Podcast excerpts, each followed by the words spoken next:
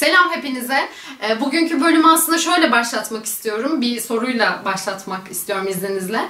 E, ben iyiysem, işte Yiğit iyiyse, bu videoyu izleyen insanlar iyiyse veya izlemeyen diğer insanlar e, hepimiz kendimizi aşağı yukarı iyi insanlar olarak görüyorsak acaba bu kötülükler nereden geliyor sorusunu ele almak istiyoruz. Bu aslında böyle filozofların üzerine çok yıllardır insanlık tarihinde eğildiği sorulardan bir tanesi ve biraz çetrefilli.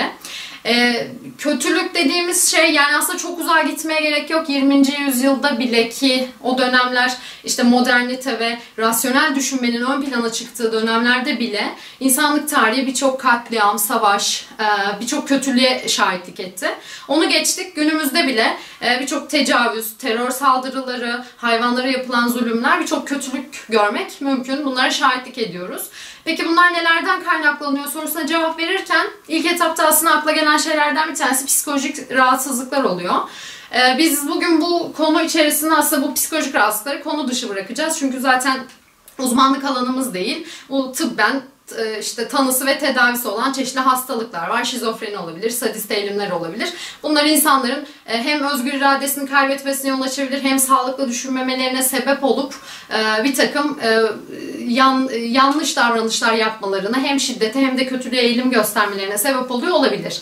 Bunlar dışında bu psikolojik hastalıkları bir tarafa bırakırsak ki bunlar toplumun zaten çok büyük bir kısmını oluşturmuyor. Toplum genelde iyi ve sağlıklı insanlardan, işte anne baba olmuş, topluma karışmış, işi, işinde gücünde insanlardan oluşuyor. Dolayısıyla bunları bir köşeye bırakıyorum. İkinci olarak şöyle bir şey var. Diyoruz ki işte şöyle şeyler var. İşte bu e, kötülük bizim içgüdülerimizde var. Evrimsel olarak insanlar kötüdür. İşte hayvanlar da kötüdür. Bencilizdir vesaire. Hayatta kalmak için her türlü şeyi yaparız gibi e, bir e, inanış var aslında. Buna inanış diyorum şu sebeple. Bilimsel olarak bu %100 kanıtlanmış bir şey değil. Zaten bunun kanıtlanması için çok e, disiplinler arası ve uzun soluklu bilimsel çalışmaların yürütülmesi lazım. Henüz %100 böyle bir gerçeğe ulaşmış değiliz.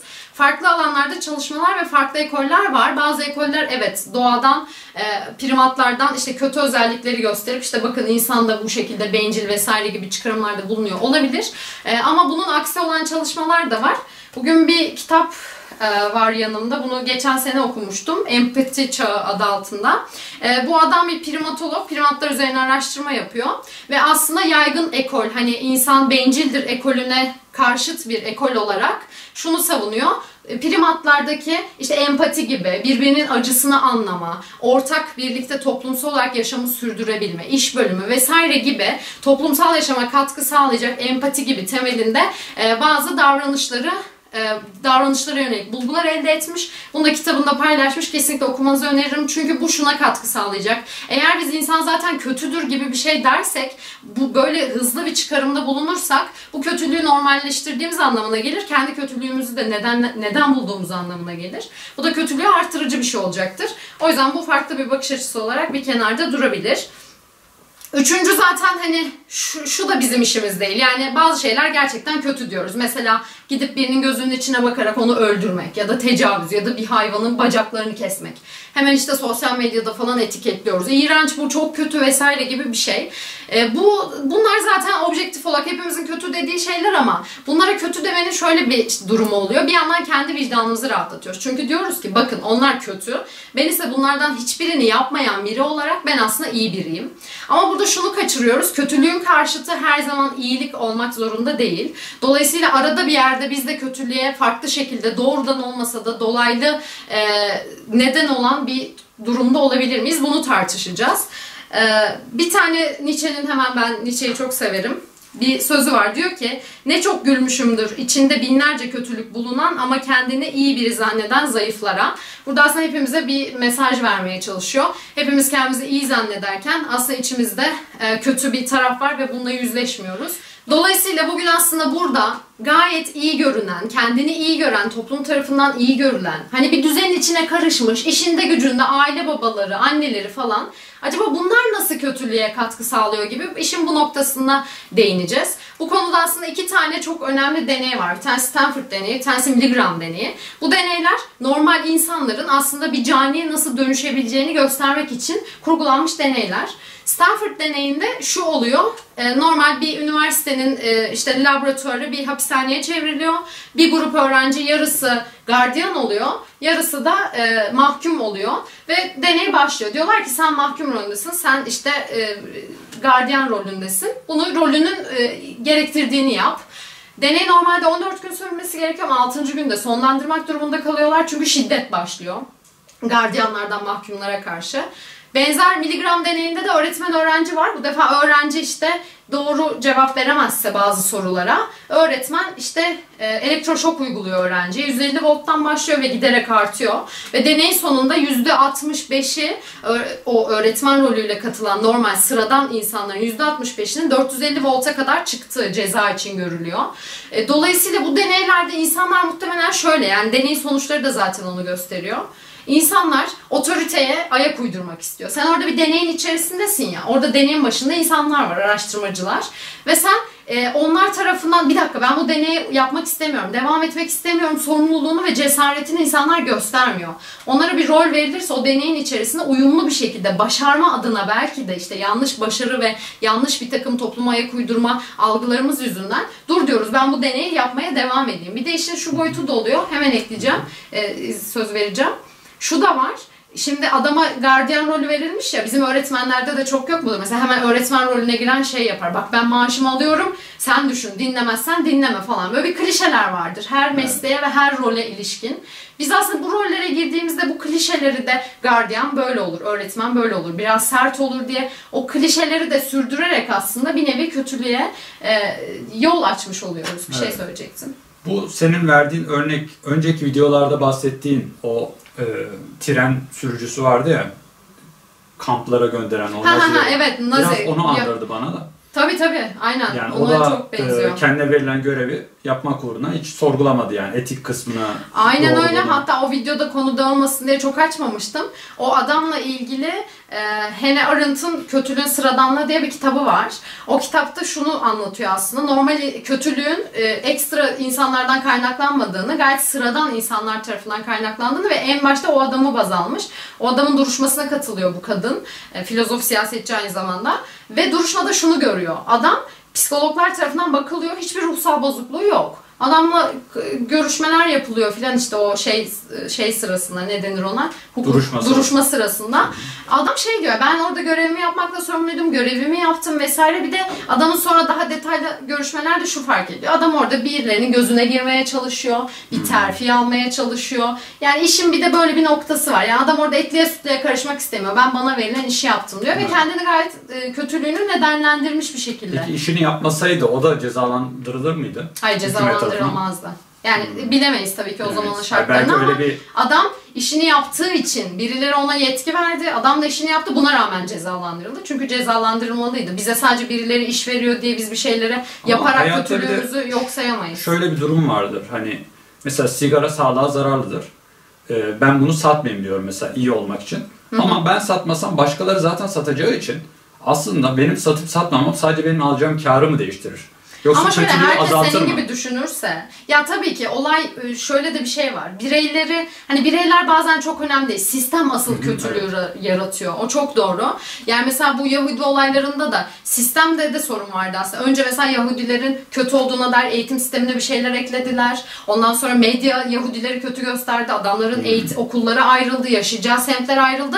Dolayısıyla bunun tam zıttı olarak bir kötü koşullanma sağlandı ve insanlar bunları yapacak noktalara geldiler. Aynı şey aslında iyi kurulmuş sistemlerde yani e, devlet eliyle bir düzenleme yapıldığı zaman bazı konulara kötü gibi şeyler yapan insan A senaryosunda B senaryosunda iyi şeyler yapmaya elverişli hale gelebiliyor. Yani biz birey olarak aslında Nietzsche'nin sürü insanı var ya sürü insanıyız. Yani evet ben yapmazsam başkası yapacak diyorsun ve orada belki para kazanmak gibi hani bencilce bir amaçla nedenlendiriyorsun. Diyorsun eve ekmek götürmem lazım neden yapmayayım diye.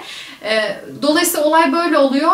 Ama işte orada da e, hani devlet bunu yapana kadar biz bekleyecek miyiz? Kendine başka bir iş bulamaz mısın? Hani bu kadar mı alternatifsiz bir evrende yaşıyoruz? Onları da sorgulamak lazım diye düşünüyorum. Evet çünkü bunun ucu yok. Mesela dedin ki belki oradaki makinistin suçu yoktu o esirleri taşıyan makinist ya da sürücü. E, bu daha önceden planlanan medyayla birlikte e, ortaya çıkmış bir sorun ama düşünsene o medyada mesela haberi hazırlayan kişi o da aslında deneni yapıyor. O da itiraz edemedi. Hani hangi Aynen. noktada değişim başlayabilir? Geriye sarsak bunu.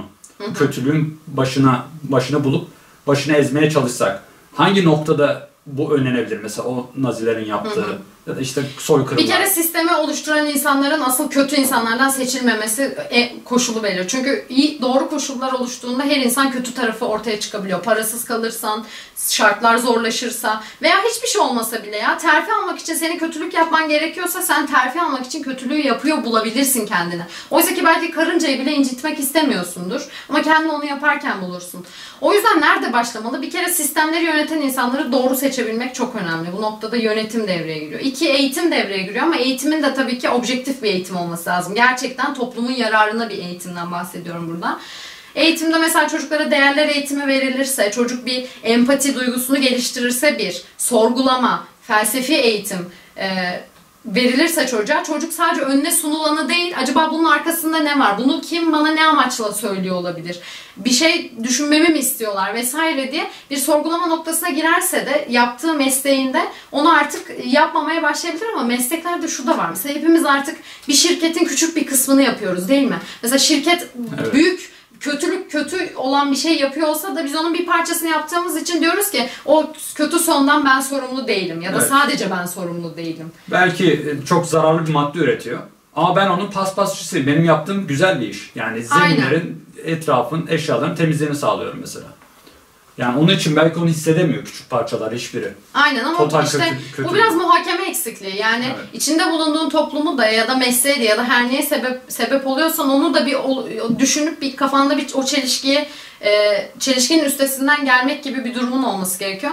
Ama insanlar çelişkiden kaçıyor ya. Yani hangimiz çelişkiyi seviyoruz ki? Mesela zaten hani mesleklerimiz çok yoğun bir sürü vakit alıyor. Ya da öğrenciler sınava hazırlanıyor bir sürü vakti gidiyor. Onu geçtim bir sürü hobi edinebileceğimiz işte şeyler var. Netflix var şu var bir sürü şey yapabilirsin. Kafanı meşgul tutabilirsin. Bir kere çelişkiyi nasıl göreceksin? Hadi diyelim çelişki bir şekilde masana geldi. Mesela ben bunu şeyde yaşarım. Vegan ya da vejetaryen olan insanlar mesela işte e, hani vegan olduklarını savundukları için bile değil. Ya ben et yemeyi tercih etmiyorum dediği an diğer insanlardan hemen onların yaptığı şeyi çelişkili gösterecek söylemler başlar. E, Et yemeyi tercih etmiyorsun ama bitkilerin de canı var. Et yemiyorsun ama onların canı ne olacak falan diyorlar mesela. Ya arkadaşım sen önce bir o adam zaten belli bir çelişki edinip o çelişkinin üzerine bir karar almış ve bir şey uyguluyor. Peki senin hiç düşünmediğin ve sürü insanı psikolojisinde diğerleri tıpatıp onu yapıyor diye yaptığın çelişkilerin ne olacak? Hatta hiç görmediğin çelişkilerin bile. Dolayısıyla eğer biri bir noktada bir çelişki görüp bir adım atıyorsa önce kendi eğer gerçekten doğrunun peşindeysek e, o doğruyu masaya getirelim. Senin çelişkilerin de benim çelişkilerim de. Tabii ki veganlığın, vejetaryanlığın çelişkileri çok fazla. Zaten buna en iyi adamlar kendileri buluyor. Daha da böyle radikal vegan oluyorlar artık. Onu da yapmıyor, bunu da yapmıyor vesaire. Onu zaten en iyi o yapıyor. Çünkü adam çelişkiye açık. Peki sen zerre kadar çelişkiye açık mısın? Yani başkalarının çelişkilerini görmeye açıksın da kendi çelişkilerine yüzleşmeye bu noktada açık mısın? Sanki o konuda bir sıkıntı oluyor gibi geliyor bana. Evet. Yani bu şeye de benziyor. Mesela bazen dersin ki evin güvenliğini sağlamak için işte kapıyı ben çelik kapı yaptırdım. Kilit sayısını arttırdım. Sonra birisi çıkar der ki ya sen ne yaparsan yap hırsız girecekse bir yolunu bulur girer. O zaman kapıyı pencereyi açalım. Öyle yaşayalım. Hani genelde bir noktadan senin bir zaafını bulup onu tamamen bırakmaya seni yö- yönelt- yönlendirmeye Çünkü niye biliyor musun? Kendi kötü bak şimdi. Sen mesela güvenlik şey yapıyorsun ya kapına taktırıyorsun. Burada onun aslında e, salaklığını yüzüne vuruyorsun. Hmm. Aa ben bunu düşünemedim o bunu düşündü. Ya da vegan adam diyor ki ben et yemiyorum çünkü hayvanların acı çekmesine dayanamıyorum. Bunu diyerek aslında ne sağlamış oluyor? Karşıdaki adamın ben acaba bana kötü mü demek istiyor? Beni kötülüğümle yüzleştiriyor. Dolayısıyla bu yüzleşmekten e, yoksun olduğumuz için bu yüzleşme belki psikolojik bir savaş gibi yani kendimizi kötü hissedeceğiz. Buna gerek yok. Yüzleşmeyi bir tarafa bırakalım gibi. İşte kapıya kilit taktırıyorsun. Ya boş ver ben taktırmıyorum. Girecek olsa yine girer. E çünkü ben bunu yapmadım ya. Evet, sen evet. şimdi bunu yaptın. Sana şunu diyemem. Abi süper ya iyi düşünmüşsün ya. Ben bunu düşünememiştim şunu demekten kar saymıyor. Yani hırsızın girebilme olasılığını azaltmayı kar saymıyor. Tabii ki yani her şey olacaksa belli yani bir 1-0 bakıyorlar istatistiki olaya. olarak mesela aynen. sen de şimdi mesela et yemeden kaç tane hayvan kurtardın diyor. Belki bir bile değil. evet Belki kurtarmadın. Belki sektör o kadar hızlı ki belki onu bir yerden telafi ediyor. Pazarlama teknikleriyle şu bu. Diyor ki o zaman senin yemen bu dünyada hiçbir fayda sağlamıyor. Evet Yememen, ne yazık pardon. ki. Oysa ki bunu tartışacağız da şunu tartışalım. Ya ben bunu yiyorum ve şöyle kötü yanlarım var. Sen bununla bir tık mücadele ediyorsun ama senin de eksiklerin var. Gel bunu birlikte konuşalım. Bu noktada ne yapabiliriz? Daha aktif bir rol nasıl alabiliriz bu süreçte konuşmuyoruz. Hemen onu bir bastırayım ve senin yaptığın saçma zaten. Fazla düşünüyorsun. İşte bunu düşünmene gerek yok gibi hemen bir nedenlendirme başlıyor. Yani kötülüğümüze neden bulurken gerçekten çok başarılıyız bu konuda. Geçen hafta da konuşmuştuk. Geçen hafta mıydı bilmiyorum. Yani yılmazlık seviyemiz çok düşük. Bir psikolojik olarak bir mücadele içinde değiliz. Hatta bana şöyle geliyor. Yani insanların doğruyu ve iyiyi bulmak gibi bir derdi de yok. Kendileri doğru ve iyi skalasında bir noktada ve o noktayı daha doğru ve iyi göstermeye çalışıyor. Gerçek doğruyu ve iyiyi aramak gibi bir derdi yok. Örneğin bir mesleği var. Tamam mı? O mesleği gerçek doğru ve iyiye göre belki skalanın iyilik düzeyinde gerisinde ama bunu konuşmuyor. Mesleğini daha iyi ve doğru göstermeye çalışıyor. Evet. Dolayısıyla aslında e, bu kadar gerçekten uzak olunca da e, ortada çok da fazla kötülerin iyileşeceği bir dünya düzeni kalmıyor gibi geliyor bana. Evet bu sanki fikirsel açıdan bizim bir rahat alanımız, comfort zone'umuz gibi. Aynen. Hani didiklemek, onu eleştirmek ya da altını kazımak altını kazmak istemiyoruz. Bu kendi düşüncelerimizin, kabullenmelerimizin. Çünkü bütün hayatımız belki yeniden şekillendirmemiz gerekecek. Belki sahip olduğumuz birçok değeri terk etmemiz gerekecek ki bu hayatımızda köklü değişikliklere yol açacak. Aynen öyle. O yüzden işte psikolojik olarak zayıf kalmaya devam ediyoruz ama o zaman da kimse kusura bakmasın şu kötülük oldu. Hayvana tecavüz etmişler bilmem ne olmuş diye o zaman üzülmeyeceğiz. Aynı Yılmaz'da orada da yapacaksın. Orada üzülüyorsun. Ya demek ki sen de aslında senin vicdanın bir şeylerin değişmesi için bir şeyleri istiyor. O zaman neden bu kadar cesur değilsin? Yani neden? Bu tembellik gibi geliyor bana yani. Bir, bir harekete geçmek gibi bir derdimiz yokmuş gibi geliyor. Bir de şey de var tabii insanlar belli mantık hataları da yapıyor aslında. Yani ira- rasyonel düşünemedikleri için de hata yapıyor. Mesela sosyal psikolojide temel atıf hatası dediğimiz bir şey var. Ben derslerimden biliyorum. Ee, bu şu. Eğer sen iyi bir şey yaparsan kendine atfediyorsun. Kötü bir şey yaparsan sisteme. Mesela öğrencisin, çalıştın, dersi geçtin. Diyorsun ki Aa, evet ben çok çalıştım o yüzden dersi geçtim. Bu benim başarım. Sonra bir gün kopya çekiyorsun. Bu defa da diyorsun ki kopya çektim çünkü sistem kötüydü. Hoca soruları kötü hazırlamıştı. O yüzden ben de kopya çektim. Dolayısıyla bir sisteme kötü olan şeyleri atfetme gibi bir durumumuz var. Ve bütün yaptığımız pisliklerin cezası sistemmiş gibi davranıyoruz. Oysa ki sistemi oluşturan yine sensin. Evet sistem tabii ki hani sisteme de karşı gelip her şeyi yapmak gerçekten çok yorucu da bir şey bir yandan. Karşında çünkü kaba saba insanlar görebilirsin, eleştirilebilirsin. Sokrates'in at sineği denilip idam edilmesi gibi o duruma bile düşebilirsin. O yüzden sistemlerin değişmesi tabii ki e, en çok belki işe yarayan şey olacak. Yani örneğin et tüketmekse olay, et tüketiminin sınırlandırılması belki insanları daha iyi bir yaşam tarzına sürükleyecek. Ama o yapılmadığı zaman kişiler işte bireysel olarak bu tip şeylere, bu tip dışlanmalara e, dışlanmalara uğruyorlar ve bununla mücadele et, edip etmeme noktasına gidip gelen de çok insan var. Onun sorumluluğunu alma noktasında. Sana açmak istediğim bir konu vardı. Tabii. Vicdan, vicdan konusu. Genelde iyilik, kötülük tartışıldığı zaman insanlar şöyle der. Hani bizim dine, kurallara ya da herhangi bir şeye ihtiyacımız yok. Vicdanımızı dinlememiz yeterli. Vicdanın sana neyin iyi, neyin kötü olduğunu söyler. Evet. Ama bence vicdan aslında bizim aldığımız eğitime göre çalışıyor. Mesela örnek verelim. Sence mesela suçların idam edilmesi, çok kötü suçların idam edilmesi. Senin vicdan ne diyor bu konuda? Yani yaşam hakkına son verilmesi e, hiçbir zaman hani benim evet diyebileceğim bir şey değil. İşte başka birinin vicdanına göre o da şu mantıkla düşünüyor ve vicdan evet öldürülmez diyor. Senin ona merhamet göstermen aslında onun öldürdüğü ya da öldüreceği ya da ondan sonra tutsak bu yüzden hukuk işte tutsak tutuyorsun yani cezalandırıyorsun yani hapis cezası veriyorsun ama hani yaşamına son vermiyorsun gibi bir durum oluyor. O Yani- da ondan ne kadar ayrı o da tartışılır da ya bir adamı ha öldürmüşsün ha müebbet hapis vermişsin. Farklı şeyler mi onu da işte bilemiyorum hangisi ama. caydırıcılığı daha yüksek. Ama ötekisi de diyor ki yani onu öldürülse ve caydırıcı olacaksa öldürülmesi iyidir. Çünkü hani bu yoldan gidecek yani bu kat, e, işte adam öldürme ya da ondan sonraki diğer suçlular aynı suçu işleyecek kişiler için caydırıcı etken olacaksa onun öldüreceği birçok kişiyi bu şekilde kurtarabiliriz. Peki tedavi edilmeyeceğinden hani emin miyiz? Bir de işin o kısmı var. Tedavi edebilir miyiz? Eğer edeceksek biz yine bir şeyleri yapmaktan hızlı hani yapmayı tercih etmeyip hızlı bir karar verme durumunda mıyız? İşte boyutu tedavi yani hepsini hastalık olarak görürsen zaten ceza almamalı. Sadece tedavi görmeli. Yok Biz burada- ceza alabilir. Şöyle ceza alabilir. Onu yanlış bulduğun için ceza almıyor. Adam belki özgür iradesinden yoksun ve insanları öldürüyor. Tamam Ama- bunu yapıyor. Bunu kötü gör, gö- kötü görmeyebilirsin çünkü adamın özgür iradesi bile yıpranmış. Ama şu oluyor. Onu cezalandırmak zorundasın toplumun refahı için. Bunu bu toplumsal yaşam için o adam bireysel bir adada tek başına yaşasa yaşamaya devam etsin. Sorun yok. Ama topluma zarar verdiği için adamı aslında hapishanede belki sorun tutuyoruz. psikolojik sorunu olmayan katiller içinde. Sinirle, öfkeyle öldürüyor.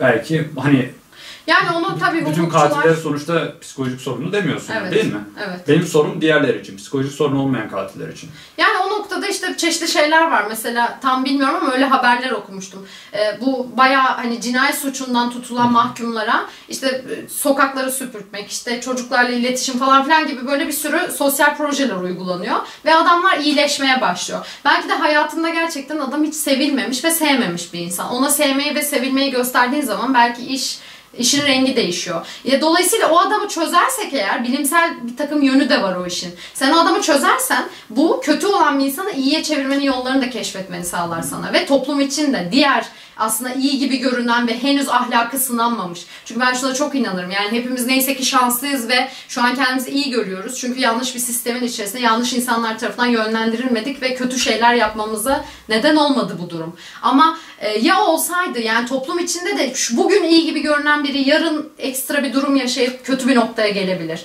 Ama onun bir geri dönüşünün olmasını keşfetmeliyiz ki yoksa bu giderek artar ve hiçbir çözüm bulamayız o noktada. Yani her kötüyü cezalandırıp öldürürsek eğer kötülük yayılmaya devam eder. Çünkü iyiliğin e, tedavi e, kötülüğün tedavi edilme yöntemlerini bulamayız bu noktada gibi geliyor bana.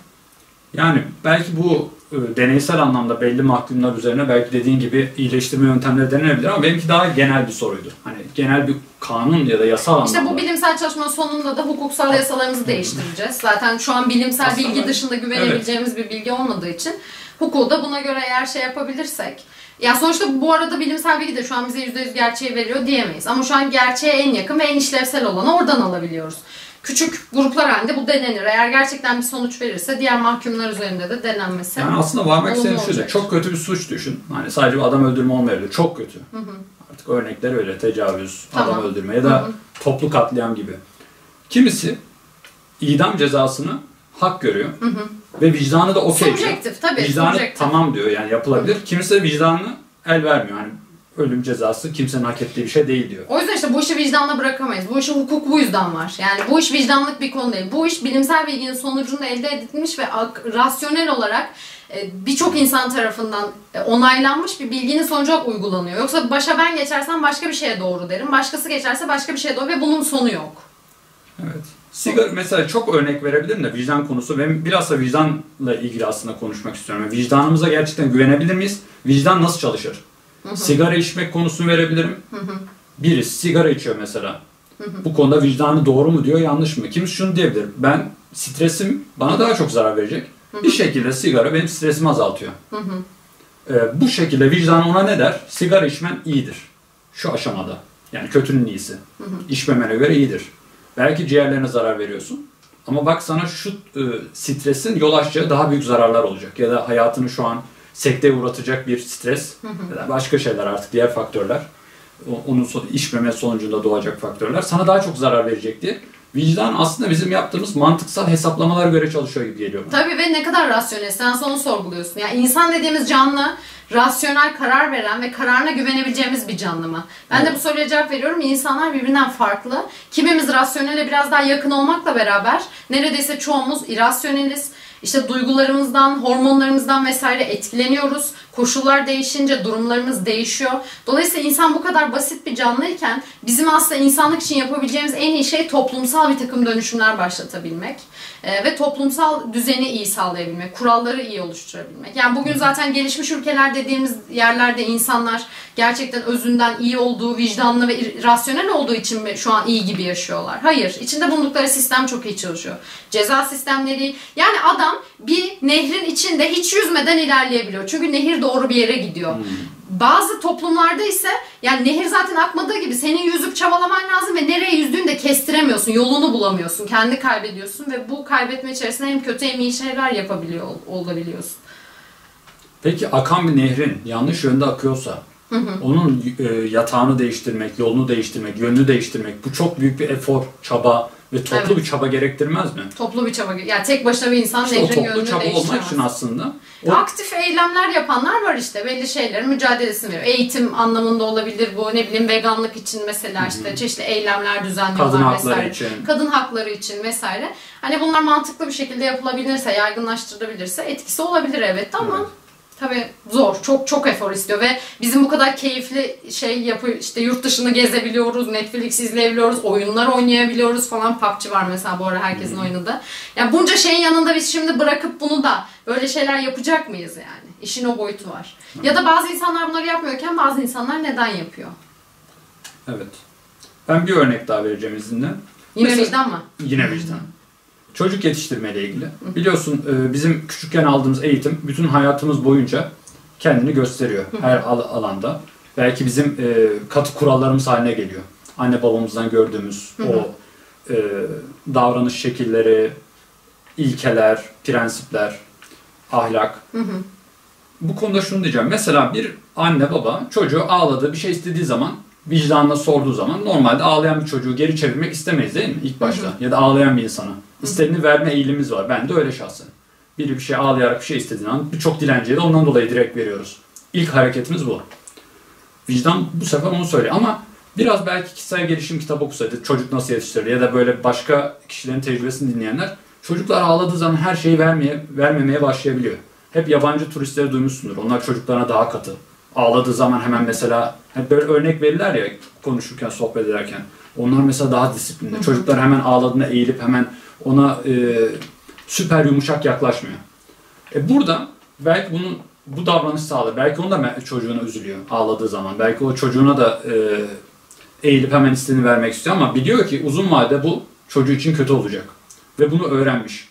Yani belki içinde ilk başta hissedemiyordu. Yani sen şundan bahsediyorsun. Yani vicdan tek başına rasyonel düşünce olmaksızın doğru kararlar verdirmeyebilir. Sen sadece vicdanlı Vicdan, olarak yanlış kararlar veriyor olabilirsin. Bilgilerimiz ışığında Aynen. Doğruya ve Dolayısıyla işte aynen mesela eğitimde de değerler eğitimiyle fe- felsefe eğitimi bir arada giderse eğer biraz anlamlı oluyor. Çünkü sen çocuğa vicdanlı olmayı, bir kedinin canı yandığında onun canının yanmasını vesaire öğretiyorsun. Ama bir yandan rasyonel düşünmeyi ve işte bilimsel düşünmeyi, sorgulamayı da öğretiyor olman lazım ki böyle işte yanlış örnekler olmasın. Vicdan diye görüp bir şey yapıyorsun, kötü bir şeye sebebiyet veriyor. Ee, Buna mal vermemek için eğitim bu açıdan Evet. önemli bir boşluğu dolduruyor diye düşünüyorum. ve e, bilgi eğer bizi doğru kararlar almamızı sağlıyorsa bilginin de bence insanda en e, önemli kaynağı sorgulama. Çünkü sorgulamadığımız sürece mevcut bilgilerimizin yerini asla yenileri alamaz. Tespit edemiyorsun ki bir kere. Yani yanlışı tespit edemiyorsun. Önce bir yan, mesela ben bunu kişisel yaşamımda çok yaşıyorum kendi deneyimlerimde. Bir şey kafamda çelişki oluşturuyor tamam mı? Tespit ediyor. Bunu beynim nasıl yapıyor bilmiyorum. Yani bu böyle eğitildiğim için mi böyle genetik olarak buna yatkın olduğum için her neyse. Bir şey çelişki uyandırıyor kafamda. Ve aslında çevre bize çok şey sunuyor. Yani şöyle binlerce kitap var. Ve sen bir şeyi tespit ettiğin zaman karşına aslında o çelişkini çö- çözümleyebileceğin sana veriler sağlayan bir dünya içerisinde yaşıyoruz. Yeter, yeter ki çelişkiyi keşfedelim. Yeter ki hayatlarımızı böyle sürü insan psikolojisiyle Yiğit ne yapıyorsa ben de onu yapmak zorundayım. İşte bana o ne dediyse, otorite ne dediyse onu yapmak zorundayım şeklinde değil de gerçekten sorguladığın ve çelişkiye eriştiğin zaman aslında gerisi geliyor. Biraz tabii ki çelişkilerin de çözümlenmesi çok zor bu arada. Yani çoğu zaman %100 çözümlenmiyor. Hayat çok kaotik çünkü. Ama bir noktada biz rahatlatıyor kafanı. Evet bunu bir noktada şöyle düşünebilirim. Şu kısmını şöyle düşünebilirim diye kendinle barışık hale geliyorsun. Ama bizim insanımız sence kendiyle ya ben çevremde kendiyle herkes kendiyle barışık gibi. Yani bunca kötülüğe ve çelişkiye rağmen insanların bu denli kendiyle barışık olması da belki evrimsel açıdan psikolojimiz hani psikolojimizi güçlü tutmak için böyle mi programlıyız? Onu da düşündürüyor. Yani onlar mı doğru yapıyor acaba diye. Ama bir yandan da bunca kötülük olunca doğru yapılmadığını görmüş oluyoruz aslında. Bence hayatlarımızın merkezinde kendimizi koyduğumuz için ve kendimize mutluysak her şey iyi gibi görünmeye başlıyor. Ve kötü gibi görünecek tabii bir sürü şey olduğunu içten içe Ama biliyoruz. kendinle nasıl mutlusun onu soruyorum. Yani tüm eksikliklerine ve vasatlıklarına ve kötülüğüne ve bencilliğine rağmen bunları nasıl görmüyorsun? Bir insan kendini, kendine yabancısın o zaman. Sen kendine oturup bir masada kendinle yüzleşmiyorsun. Çünkü yüzleştiğinde hangimiz kendimize evet ya ben iyiyim diyebiliriz. Ha ne yapıyoruz? İşte mantık şeyleri buluyoruz. Başarıyı kendimize, diğerini başkalarına atfediyoruz. Mesela şey var, ortalama hatası diye bir şey var. E, Deney yapılıyor. İnsanlara soruluyor. Yine sosyal psikoloji deneylerinden bir tanesi.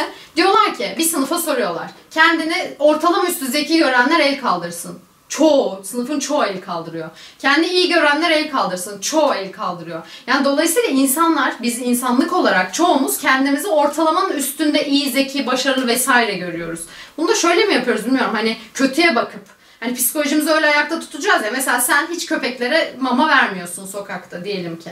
Ben haftada bir veriyorum. Başka da hiçbir şey yapmıyorum. Gidiyorum e, et yiyebiliyorum gayet rahat. Evet, hı hı. Ama sen o kadar kötüsün ki ben sana bakıp şey diyorum. Aa o kötü ben ona göre daha iyiyim. Ama bu beni Ben iyi şey yapmıyor diyorum, ben işte. de e, köpeklere eziyet etmiyorum en azından Ha sen de onu diyorsun. Sen de onu görüp kötüye göre ben de eziyet etmiyorum diyorsun. Yani herkes kötüye göre referans alıp kendi iyi mi görüyor acaba? Peki sizden daha iyileri işte onlar masanıza gelip ben vegan olmaya karar verdim dediği zaman onların çelişkilerini bulmaya çalışıyoruz. Çünkü onları görmezden gelmek istiyorsunuz. Onları görmek sizi rahatsız ediyor. E böyle olunca da işte kötülükler kapımızı çalınca çünkü bunlar bizim komşularımız, okulda öğretmenlerimiz, öğrencilerimiz bu kötülükleri yapanlar bunlar aslında yani bunlar dışarıdan uzaydan buraya atılmış insanlar değiller. O zaman da şaşırmayacağız işte. O zaman niye şaşırıyoruz? O zaman niye nefret söylemleri başlıyor? ben onu Aslında anlayamıyorum. burada e, kend- bir soru sorup kendim cevaplamak istiyorum. Tabii. Ee, Engel mesela olabilirsem hani Evet. kendime cevap. sen mesela şu an vegan değil et yemiyorsun. Et ona vegan denmiyor sanırım değil mi? Vejetaryen. Vejetaryen. Hı, Vejetaryansın.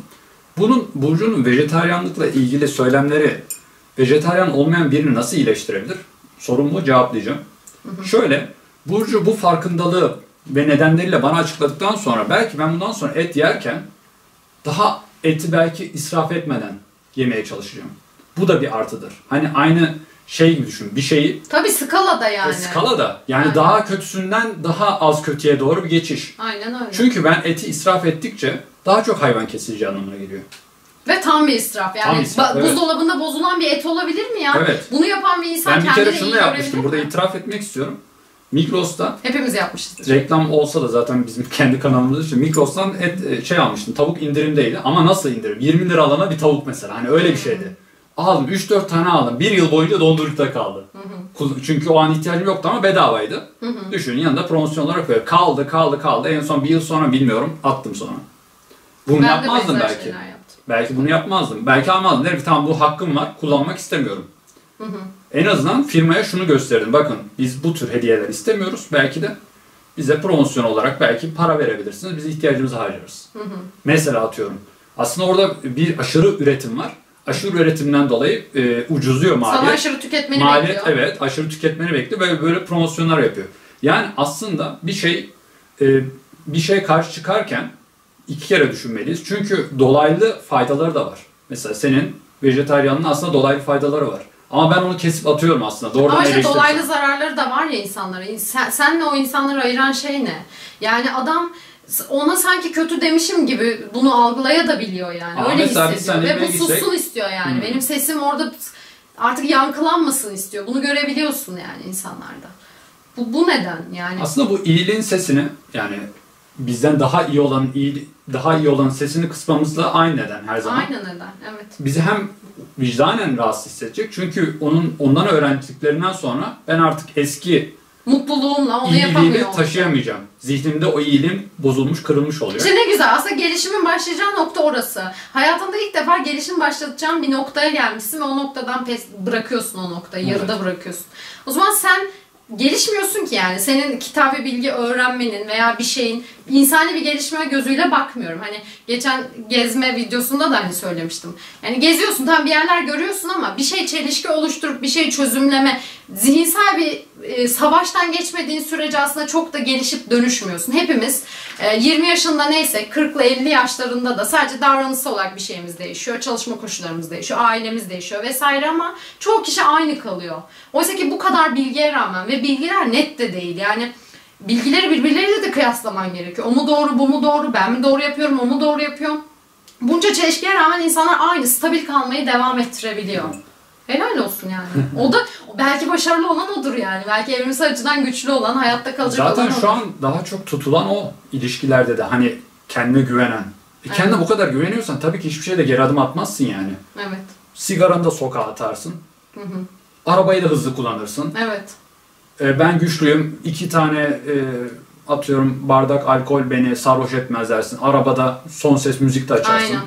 Sinyal Ve- de vermezsin. Ben e, zaten iyi sürüyorum. Arkamdakine zarar vermem. Sinyale de gerek yok. Doğru. Hani kendine güvene güvene güvene hiçbir negatif feedback almaya almaya Hiçbir gelişim olmuyor. Ve insanlar da bunu destekliyor. Öyle Ve insanları destekliyor. daha güçlü görüp onların yanında oluyor bence. ve bu olması da aslında bir nevi kötülük değil midir? Aynen kesinlikle ilişkilerde de mesela öyle kötü insanları seçmek de kötülüğe dolaylı hatta bir de ondan çocuk yaparsan artık Evet, çok evet, yakın. doğru. Çünkü onunla yetişecek, onunla büyüyecek. Bir de ona yatırım yapıyorsun. yatırım yapıyorsun. Yani Dünyanın kötülüğü katlıyorsun, Evet, katlıyorsun, katlıyorsun. katlıyorsun. Aynen Yani neyi çoğalttığımıza dikkat etmemiz lazım. İyiliği mi çoğaltıyoruz, kötülüğü mü? Aynen öyle. Ne yapalım bitirelim mi? Var mı başka söylemek istediğim bir şey? Yine bayağı bir konuştuk. Aslında çok var da. Bu daha başlangıçtı. 30 dakikalık başlangıçtan sonra. Şimdi asıl konuya geçebiliriz diye. Çok konuşulacak bir konu gerçekten. Aslında örnekler de çok fazla. Evet. Bu bundan 10 video bile çıkar. Çıkar. Parça parça Ara ara belki bunların partlarını da yaparız. Hani kötülük, hala mı kötüyüz, daha da mı kötüyüz falan diye böyle. Kime göre kötü? Kime Ne göre kadar kötüyüz? kötü? Çünkü hepsi ayrı bir soru. Yüzde Mesela kaç kötülük kötüyüz? ne? O da bir soru Kötülük ya. ne? Kötülük ne? En azından şey o çok çok derin de Evet. hepimizin ortak kabul ettiği kötülükler var ve yapmaya devam ettiğimiz. Evet, aynen Asıl öyle. onlar daha ilginç geliyor bana. Aynen ve toplu yapıyoruz yani. Mesela hiçbirimiz soğukta bir kedinin donarak ölmesini, açlıktan ölmesini istemeyiz. Ama bir şekilde Apartmanlara ya benim işte bu sene yüzümüzü, yaşadığım gözümüzü olay. çeviriyoruz ondan. Görmemeye Kedi çalışıyoruz. donarak ölüyor. Niye? Çünkü kimse apartmanın içine kedi almak istemiyor. Ama mesela. senin gözünün önünde ölmediği sürece sorun yok. Vicdanın Evet, rahat. insanlar Gözünün öyle. önünde öldüğü zaman o zaman hissediyorsun. Ama Hayır o zaman hissediyor yine de değiştirmiyor. Mesela donarak ölüyor kedi. Paylaşıyorsun ediyorsun yine de apartmanın kapısını ya bugün de mesela Öldüğü anı görmediği sürece arka Evet. plana atabiliyor. Hep Atabiliyor. böyleyiz zaten. Sorunları doğrudan görmemeyi, e, sorunları doğrudan görmeyeceğimiz bir yaşam E sonra tarzı arabaya seçiyoruz. vuruyor işte mesela kediye köpeğe. Kaçıp gidiyor hani o anı durdurmak ve kafasından silmek istiyor. Tamam silersin abi. Çok güzel. Bugün o anı kafandan sileceksin. Ama yarın biri senin çocuğuna çarpıp kaçtığında ne yapacaksın? O zaman Evet. işte o sildiğin O gün da için silecek lanet belki, edeceksin. çarpan kişi o da de silecek. O si- onu sildiği için lanetleyecek ama. Benim Evet. çocuğuma çarptı ve gitti ve lanet olsun diyecek. Ne hakkın var lanetlemeye? Yaptığın bir şey lanetlemeye hakkın yok. Ya biz kötüyüz. Abi eyvallah biz böyle bencil bencil takılacağız diye yaşayacağız ve bu şekilde herkes buna hemfikir olacak. Ya da yani iyilikten falan se- söz ediyorsak kendimize de bir şeyi çevirmekte fayda var. Yoksa zaten hiçbir şey çözüm olmuyor ki. Sadece sosyal medyada lanetliyoruz işte. Lanet olsun. Benim böyle. takıntılı bir şekilde verdiğim bir örnek var. Devamlı bu örneği paylaşıyorum. Zeka mı yoksa? Yok zeka değil. Poşet de değil bu arada. Poşet de mi değil? Yok değil. Of hiç bilemedim. Sinyal verme. Dönüş sinyal verme. Mesela diyeceksin ki Yiğit bu kadar takılacak ne var yani sinyal vermeyebilirler. Halbuki trafik kuralları bir nedenden dolayı orada var değil mi? hı. Ve herkes uyduğu zaman belki Bir tam anlamı olarak işe yarar, bir anlam var. Belki o zaman suçlar belki belli oranda düşürecek. Ama insanlar ısrarla sokaklarda buna dikkat etmiyor. Bizim ş- bu şehirde, bu ülkede. Hı hı. Sen de şahit olmuşsun. Tabii tabii. Ben Peki- trafiğe çıkmaya korkuyorum yani. Ne kadar iyi kullansam Bu da. hem e, trafik kurallarında hem sürücü belgesi alırken geçtiğimiz sınavlarda hepsi halk tarafından, herkes sürücüler tarafından bilindiği halde uygulanmıyor. Bu sürücüleri bu kuralı uydurmaya sevk edecek yöntem nedir? Kendileri sorgulamıyor. Cezalamak. Bu adamlar sorgulamıyor. Bu adamlar doğuştan sorgulamıyor. Öyle bir eğitimden geçmemiş tamam? Ve irrasyonel değil. Bu adamlardan Cezası da var rasyonel ama de değil. uygulanmıyor. Yok cezası demek ki caydırıcı değil. Ya da işte Yani dönüp dolaşıp yine sisteme mi geliyor konu? Sisteme geliyor çünkü insanlara güvenemiyoruz. Çünkü insanlar, insanlara ne zaman güveniriz biliyor musun? Çok ciddi bir eğitim sisteminden geçerse insanlar, o zaman bireylerin kararlarına güvenebiliriz. Ama ciddi bir eğitim sistemi olmayan tüm toplumlar için sistem çok tamam çok çok gel önemli. şu an seninle çok mini bir workshop yapalım. Biz bu problemi çözmek istiyoruz. Ben şikayetçiyim bu durumdan. Sinyal vermemelerinden. Bu Biz çözemeyiz bunu karar vericiler karar vericiler çözebilir. Yok, cidden. Oralara Peki, dilekçe yazacaksın. Dilekçe yazacağız. Bir şeyler iki, iki dilekçeyle olmayacak. Belki be- 500 dilekçeyle de olmayabilir, 5000 dilekçeyle de olmayabilir. Yani burada karar vericiler Yani bence ülkede bir şeyler değiştirmek istiyorsak öncelikle kötü yani net kötü olarak bildiğimiz şeyleri doğrudan çözmeye çalışarak başlamalıyız. Birilerini beklememeliyiz. Biz buna uğraşmıyoruz. Mesela toplu bir şekilde şu an herkes karar verse şu an biz buna belli bir e, teftiş, denetleme istiyoruz. Sinyaller konusunda cezalar uygulansın. Bunu yapabiliriz ama bunu örgütleyebilecek misin? Sende bu cesaret ve buna vakit ayıracak Benim çevremde bunu benim kadar takan da yok ki. İşte Ha. demek takmayla başlıyor. Taksak gerçekten hepimiz. Bunu kafaya taksak çözeriz. Hem takmak hem de bu taktıktan sonra hani oturup sadece takıp düşünebiliriz. Benim öyle şeyim çok. Hani Ama topluca çok takarsak düşünüyorum. hareket etmek daha kolaylaşacak. Çünkü hepimizden az Ufak bir, bir şey emek, yaparak. büyük bir emek olacak. Şu an ben 100 emek göstersem Ama yine de insanları organize etmek o kadar kolay değil. Ama yine de kendi kafanda insanlar bulursan organize etmesi kolay dediğin gibi. Doğru. Evet. O zaman yani niye insanlar benim gibi değil? Yani soru oraya Senin geliyor. gibi değil çünkü Netflix var abi, PUBG var ya. İnsanlar akşam eve gidince çalışıyor ve kafasını boşaltmak istiyor. Yani bunun neyini anlamıyorsun? Ya şu sinyali verin ya. verin workshop'u da kapatalım. Vermiyorlar sinyali Burcu. Şu sinyali vermiyorlar ya. Doğru vermiyorlar. Benim babam inanır Çünkü mısın? ölmekten Köy yolunda trafik yok. Oğlum diyor sinyali yine ver. Çok haklı. Tebrik ediyorum. Sinyali yine ver. Baba diyorum o kadar da değil yani o kadar Doğru. sinyal vermek de Çünkü tabii- alışkanlığını bozabilirsin bazı yerlerde vermeyerek. Belki köyde mesela 10 gün takıldın, vermedin vermedin.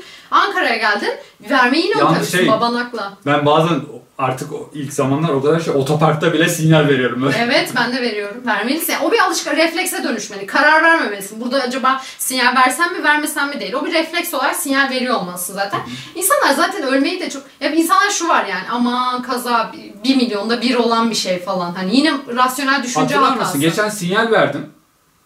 Arabada giderken. Evet. Adam sinyalimi görmeme rağmen sinyali döneceğim yöne doğru Evet. arabayı kırarak geçmeye çalıştı. Sinyal bile önemsiz. Sinyal vermeyenlerden dolayı sinyalin bile önemi yok. Hani yanlışlıkla vermiştir herhalde diyor. Yine kaza olacak diye sinyal, Sinyal verdim abi. verecek değil herhalde. Ee, sola herhalde orada dönüş olmaz yani. O ya sağa vermek istedi. Bazen de böyle oluyor. Sinyalin yanlış kullanımı. Yani çok basit bir konu. Örnek olarak verdim ama bunun gibi Bir düzeltmek de istemedim. ölmekten Güzel de bir şey korkmuyorlar ki Yiğit belki de.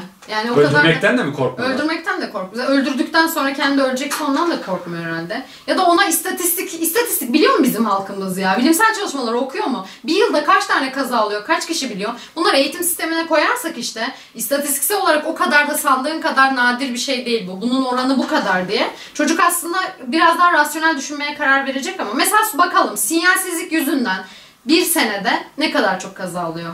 Bunu araştırır mısın bir sonraki videoya kadar? Ben araştırırım da onu araştırmadıkları için zaten. Böyle Hayır, bence o konuda araştırma yapılmış. Ama biz onu bilmiyoruz. Kesin yurt dışında yapılıp uygulamışlardır. Şu an o istatistikler artık şeydir. Değerini Herkes verdiği için evet şu an zaten ondan dolayı ölümler olmuyor. Belki alkollü araç kullanmaktan var diye yapıyorlar. Vardır ya Türkiye'de de hani kazaların sebeplerini tutan. Yazsınlar biraz da izleyicilerimiz Evet, katkıda evet, biraz da ya. siz Onlar şey da araştırsın. Desin ki evet bana bir sinyal vermedi. Şöyle tehlikeli bir duruma yol açtı. Ondan ziyade hani şeyde yazarlarsa iyi olur. Böyle bir çalışma varsa gerçekten Sinyal vermek de istatistik çok olarak- kolay bir şey. Şimdi araba sürerken direksiyonu böyle tutuyorsun değil mi? Şöyle çevirirken şöyle tık yapmak. Böyle çevirirken bu tarafa falan Değil diye. mi? Çok basit. Adamlar onu Şöyle, bile şöyle. hani fazla yani o kadar Evet. iyi tasarlanmış ki. Ekstra Hayır şey zorsa yapmıyor. diyelim araba üreticilerine kolaylık kolaylaştırsınlar. Hani sinyal vermek zorsa. Ya neler var sinyale gelene kadar hıp hızlı geliyor takip mesafesi yok zınk diye duruyor mesela. Bunu da bir cool hareket olarak yapıyor. Bunu da üniversite mezunu Yanındaki adamlar kız da hayran oluyordur ha ona. Evet ya işte ah o kızlar ah o erkekler.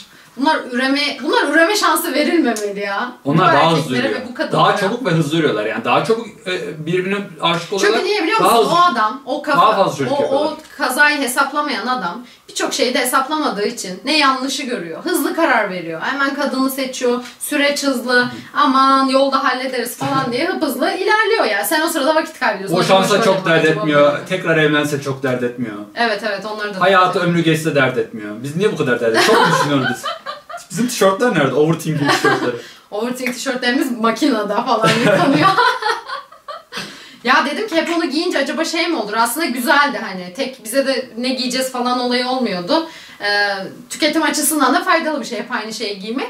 Ama işte şey oldu böyle insanlar birkaç kişi şey dedi. Yeni video koymuşsunuz ben onun yeni olup olmadığını anlamadım dedi. Eski Evet, evet. zannetmişler. Arada bardaklar değişiyor onu da dikkat edin Dikkat artık. eden yok. Biraz üzüldüm açıkçası. Dedim ne yapalım artık o zaman dolaptan bir şeyler giyinelim. Yine belki başka tasarımlar yolda. Yalnız bizim bu tarz şeyler. iyiymiş. Önce bir e, beyin fikirsel yoğunluğumuzu döküyoruz. Evet. Sonra sohbet. Hani Evet. sohbete Ha, şu noktaya biri kaldı mı? Yani şu an dakika kaç hiçbir fikrim yok. Ya da 50, şey 55 diyelim yani. olmuştur. Ee, başta bir tane uyarı koyalım. Sıkılacak olanlar 20 dakika ileriye sarsın. Evet evet. Hani böyle aşırı e, fikirsel yoğunluktan sıkılacak olanlar. Aynen. Hayır acaba bu noktaya biri kaldı mı yani? Bu noktaya kalanlar da yazsın aşağıya. Ben o zaman kalanlara biz çekelim hala. Biz Hayır kalanlara zaten. bir şey sorun kalıp kalmadıklarını tespit edelim. Ne yapabiliriz? Kalanlara bir şey yok. Ha buradan alta bir şey yazsınlar. Kaldım yazsınlar. Gerçi onu da yanlış alırlar. Yoruma düşünsene kaldım kaldım kaldım. Ne sınıftan mı kaldım? Nereden kaldım? İyilikten mi kaldım? Bir de başlık iyilik ya. Evet evet. O zaman toparlayalım diyorum. Özetle. Toparlamayı çok geçtik. Bunu şu an dağıttık tamamen. Ya abi ne yapacağız işte? O zaman yani çelişkileri görün. Görenleri de gör, siz görmüyorsanız, gören biri varsa da azıcık Düşünün, kulak verin. düşünemiyorsanız, sorgulayamıyorsanız sorgulayanlara yol açın. Sorgulayanlara yol açın, like Sokrates'in, yapın, abone Sokrates'in olun. bir sözü var. Yöneticiler aslında yönetici olmak istemeyenlerden seçilmeli diyor. Yani aslında Oo, daha derin bir konuya gitmek üzere. yok yani şöyle aslında yönetmek amaç e, Yönetmek bir amaç değil, araçtır. Ya sen belli idealler uğruna, Evet. ideallerin yolunda olmalısın. O idealler, ideallerin yolunda olan yani kişilerden yönetmek yönetici için yapılırsa... yönetmemeliyiz. Evet. Orada doğru kararları verecek. Herkesin genel Faydasına. ortak faydasını düşünecek kararlar Ki alması bunu lazım. yapabiliriz. Yani biz insanlar olarak da evet kötü taraflarımız var ama o kadar da kötü değiliz ya. Hepimizin vicdani bir tarafı var. Kitaba yine örnek vereceğim. Yani primatların bile var. Primatlar bile birbirinin acısını paylaşıyor. Demek ki bu acı paylaşma ve empati olayı o kadar da zor bir durum değil. Sadece sistemler bunu bize yapmıyorsa biz belki bunların farkında olup belli dönüşümler başlatabiliriz diye düşünüyorum. O zaman haftaya görüşürüz. Var mı söylemek istediğin bir Ben şey? bırakmak istemiyorum. Tam böyle neşem yerine geldi. Başta çok gergin başlıyoruz ya. Evet evet normal. Daha alışamadık. Daha kaçıncı video bu? Dördüncü video. Tamam Yiğit biz şimdi bunu kapatalım. Başka bir video daha çekeriz. Öyle yaparız artık Tamam. bir şeyler. Tamam kapatalım. Gelecek Ama haftaya içinde kadar. kaldıysa kapatmayalım. Sen Yok. bilirsin. Ama bizden tiksindiler şu anda. Yani artık izlememeye geçtim. Şu an kalanlar tiksiniyor. Öyle mi diyorsun? Ya böyle YouTuber olmaz ya. YouTuber dediğim biraz karşısındakinin e, duygularına hitap edecek şeylerde bulunur ya. Bu Biz ne zaman video uzun olmuş desek daha uzunluğu çekiyoruz. Evet ama bugün artık açtık yani. Açtık. Açtık. Biz zaten kendimize ilk 10 Bizi seven böyle sevsin ya. böylesi ne bize kötü. yani? Bizim de kötülüklerimiz var. Ne yapalım? Çok En korkuyoruz. son her şeyi böyle eleştirip eleştirip ama biz de Aynen. öyleyiz falan deyip kendini... Bizim de kusurlarımız var. Evet evet aynen öyle. Tamam anlıyorum seni. tontiş bitirdik. Tontiş bir kapanış oldu.